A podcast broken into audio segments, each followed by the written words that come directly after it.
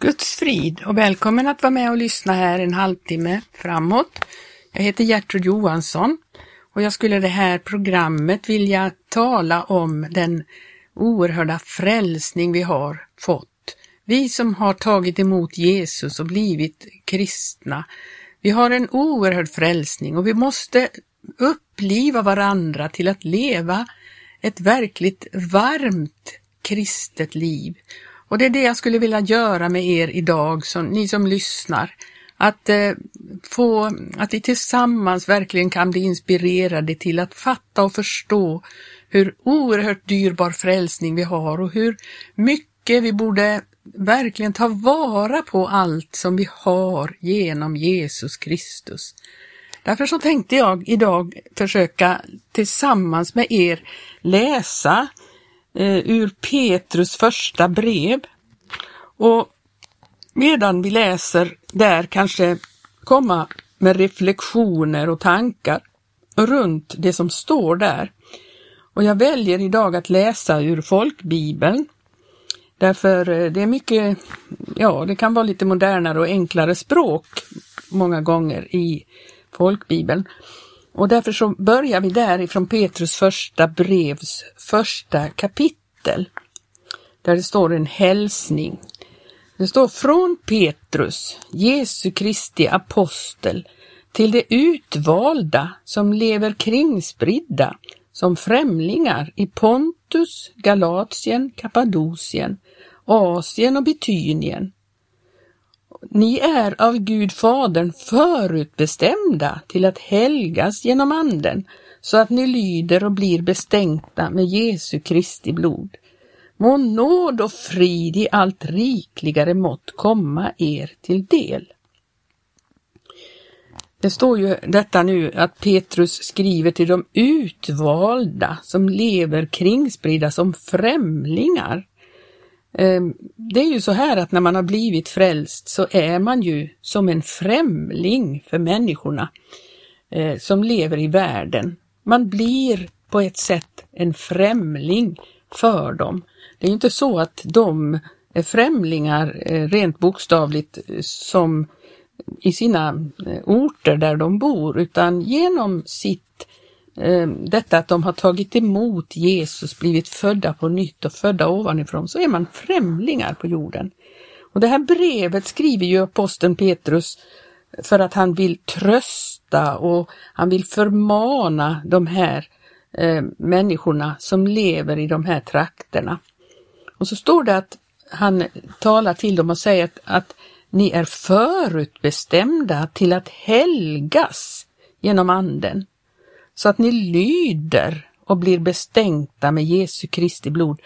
Förutbestämda, det hade Gud bestämt förut, att de, det här ska ske med dem som tar emot Jesus. Ni ska helgas genom anden. Och helgelsen innebär att ni kommer att bli lydiga, lydiga Guds ord.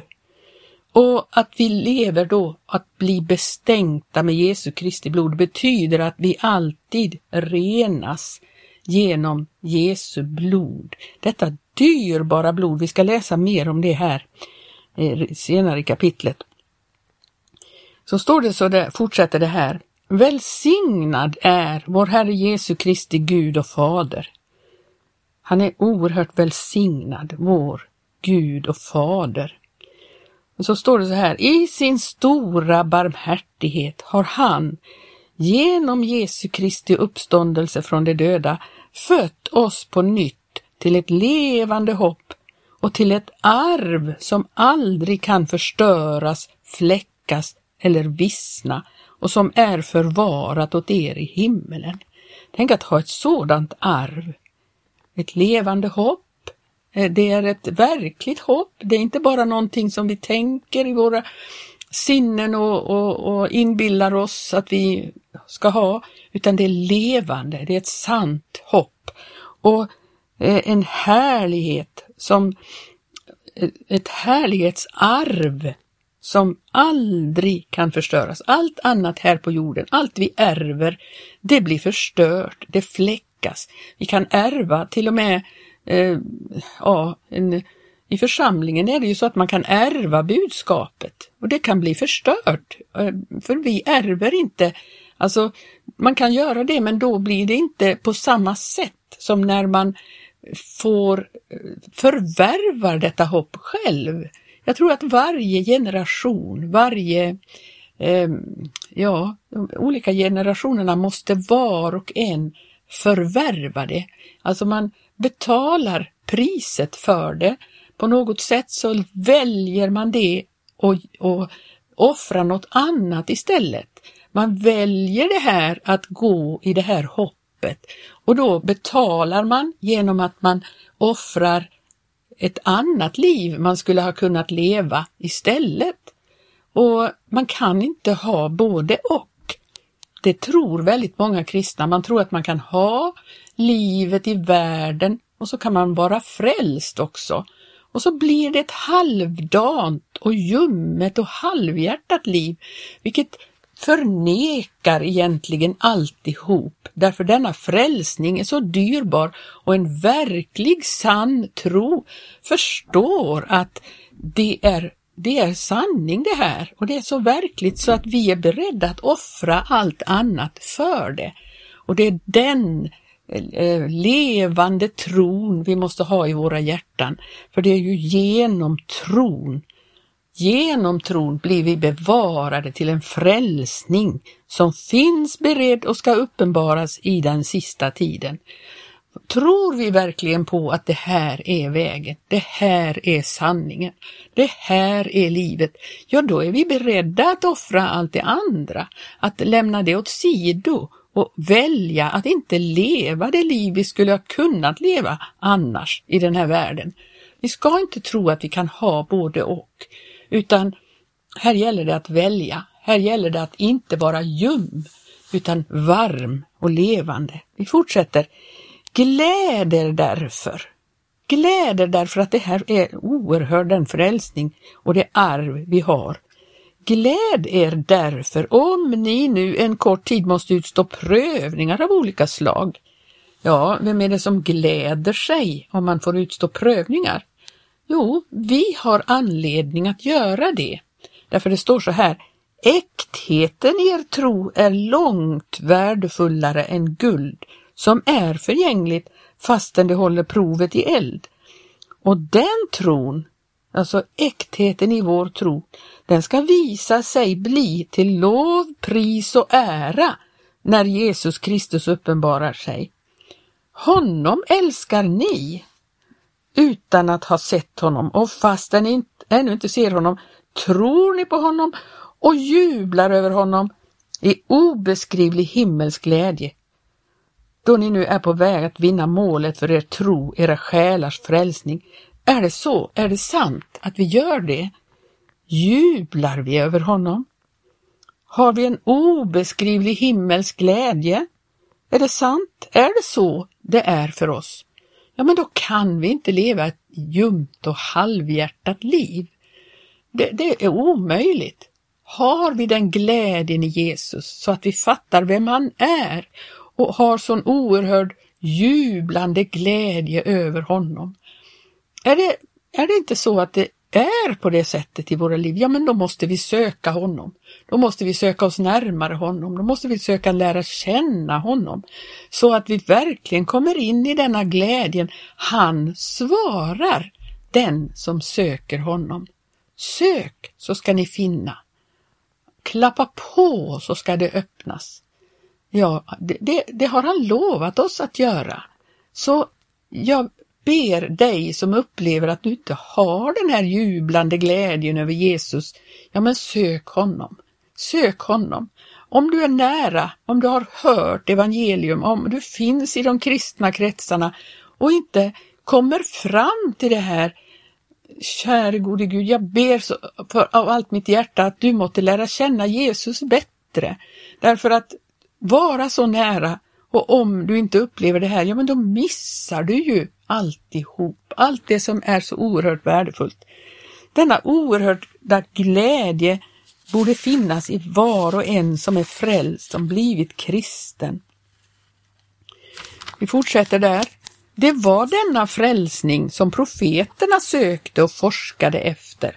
De som profeterade om den nåd som ni skulle få. Eh, Gamla testamentets profeter, de upplevde ju det här. De fick bära fram profetior som handlade om denna frälsning och de undrade vad detta kunde vara. De förstod att det, det var någonting som skulle komma i framtiden. Det står så här, de undersökte vem eller vilken tid Kristi ande i dem visade på, när han förutsade Kristi lidanden och den härlighet som skulle följa. Och det blev uppenbarat för dem att det inte var sig själva utan er de tjänade med sitt budskap. Och detta har nu förkunnats för er genom dem som i, helig, i den heliga Ande, sänd från himmelen, predikade evangeliet för er. Och detta önskar änglarna att få blicka in i. Någon har ju kommit och predikat för er och så har ni tagit emot det här ordet och så har ni, har ni tagit emot frälsningen. Ja, men då, då måste ni ju bli lika ivriga som de här profeterna att verkligen ta vara på allt som finns i denna frälsning, för den är så fantastisk. Den är så underbar. Det går inte an att gå omkring och vara ljum och vara halvhjärtad när man har fått tag i denna oerhörda frälsning. Det står så här att änglarna önskar att få blicka in i det. De har ju inte upplevt vad vi upplever. De kan inte blicka in i det så som vi gör som har fått ta emot Jesus och blivit frälsta till ett levande hopp.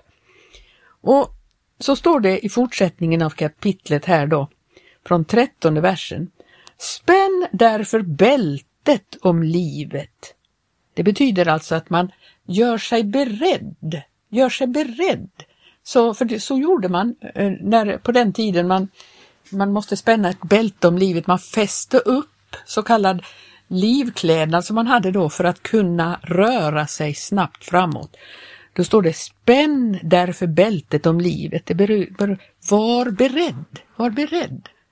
Och så står det och var vakna.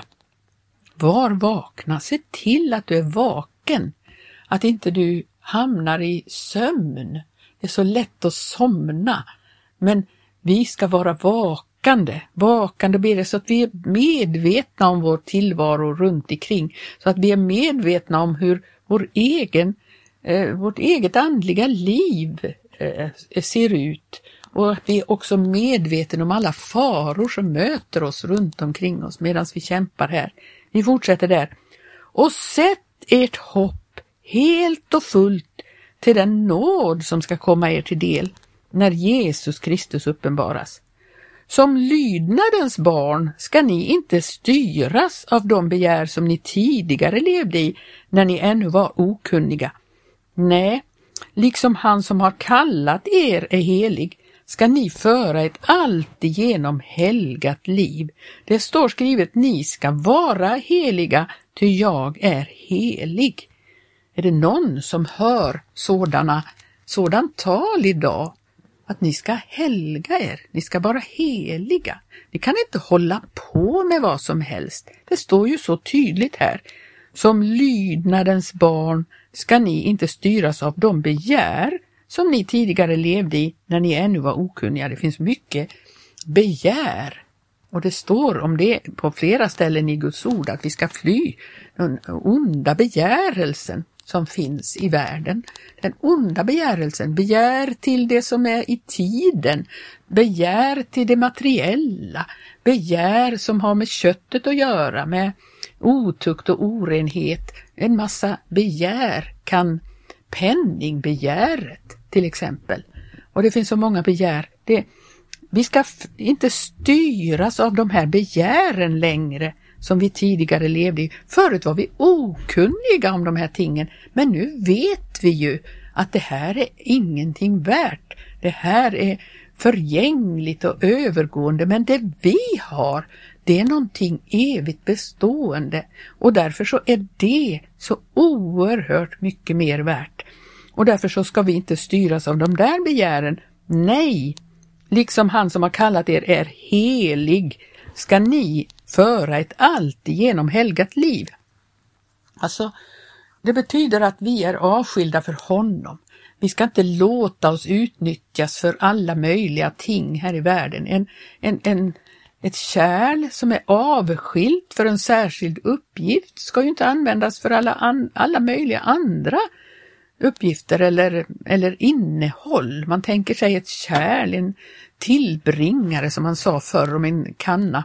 Att man eh, fyller det med, om man ska ha den till äh, drycke, eh, drycker, så vill man ju inte fylla den med allt möjligt annat som är smutsigt eller som förorenar denna kanna. Nej, den är avskild för att användas till förtäring.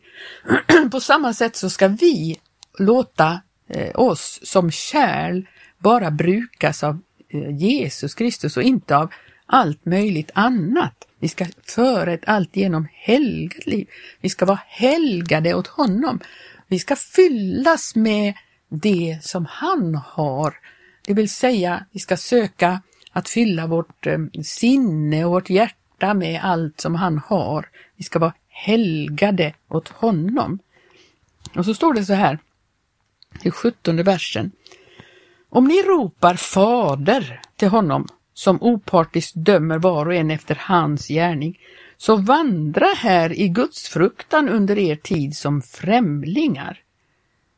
Vi ska vandra i Guds fruktan, alltså är han vår fader?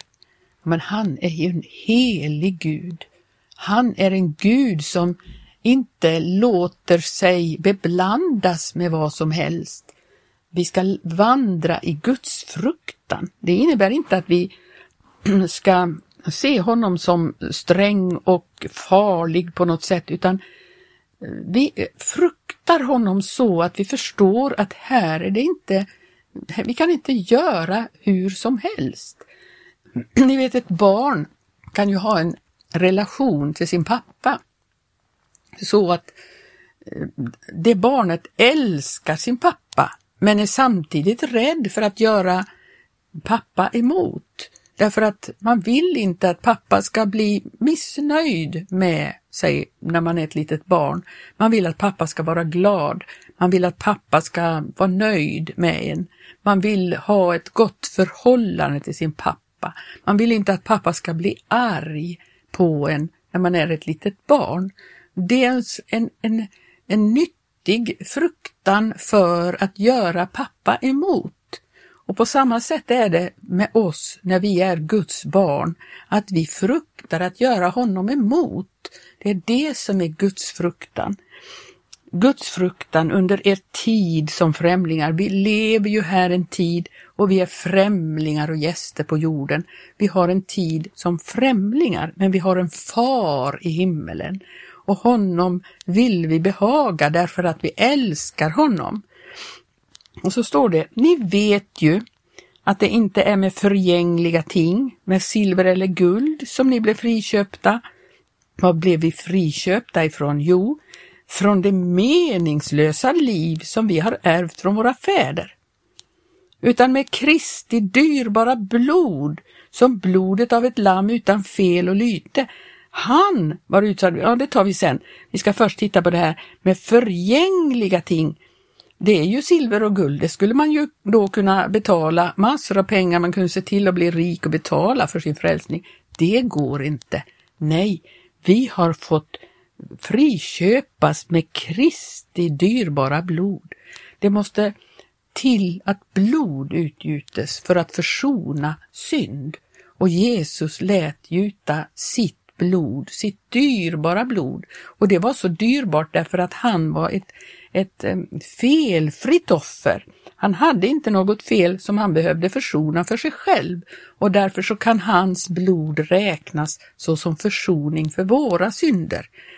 Och det är det som vi måste fatta hur dyrbart det här är. Vi skulle aldrig kunna försona oss själva så att vi skulle kunna komma till himlen. När vi skulle, vi skulle bara kunna dö och, och inte var värdig att komma dit in, men genom att han har utgjutit sitt dyrbara blod så blir vi renade. Vi blir bestänkta med Jesu blod som det stod i första verserna där. Och så står det, han var utsedd redan före världens skapelse men har i dessa sista tider uppenbarats för er skull. Han var utsedd redan före världens skapelse. Tänk va, det var planerat långt innan han ens skapade världen. Och oerhört dyrbart. Och så står det, ni som genom honom tror på Gud, som uppväckte honom från de döda och gav honom härlighet, så att er tro och ert hopp står till Gud. Ni har renat era själar genom att lyda sanningen. Här står det, ni har renat era själar genom att lyda sanningen. I 1917 års eh, eh, översättning så står det rena era själar i lydnad för sanningen som en uppmaning. Men här står det att vi har renat våra själar. Och så står det så att ni älskar varandra uppriktigt som bröder. Tänk att vi genom detta kan älska uppriktigt och sant som bröder. Och så står det älska då varandra uthålligt av rent hjärta. Ni är ju födda på nytt, inte av en förgänglig säd utan genom en oförgänglig, genom Guds levande ord som består. Ty allt kött är som gräset och all dess härlighet som blomman i gräset. Gräset vittnar, vissnar bort och blomman faller av, men Herrens ord förblir i evighet och det är detta ord som har förkunnats för er. Så långt det första kapitlet och vi hann inte så mycket mer idag. Här står det att vi har renat våra själar genom att vi lyder sanningen. Så viktigt med denna lydnad för sanningen. För vi är ju födda på nytt, inte av en förgänglig säd utan av en oförgänglig. Det kommer inte att förgås. Detta nya liv som är fött i oss, det kommer inte att förgås. Var rädd om det. Se till att det växer till. Därför allt som har med det gamla livet att göra, det vill säga kött, det är förgängligt. Det är förgängligt och därför så ska vi satsa våra liv på det eviga bestående, det oförgängliga och då får vi ett rikt liv i Kristus. Må Gud välsigna dig som har lyssnat så får vi se, vi kanske kan fortsätta i Petrus första brev nästa gång. Eh, och vi hörs på, och Gud välsigne er alla som har lyssnat. I Jesu namn. Amen.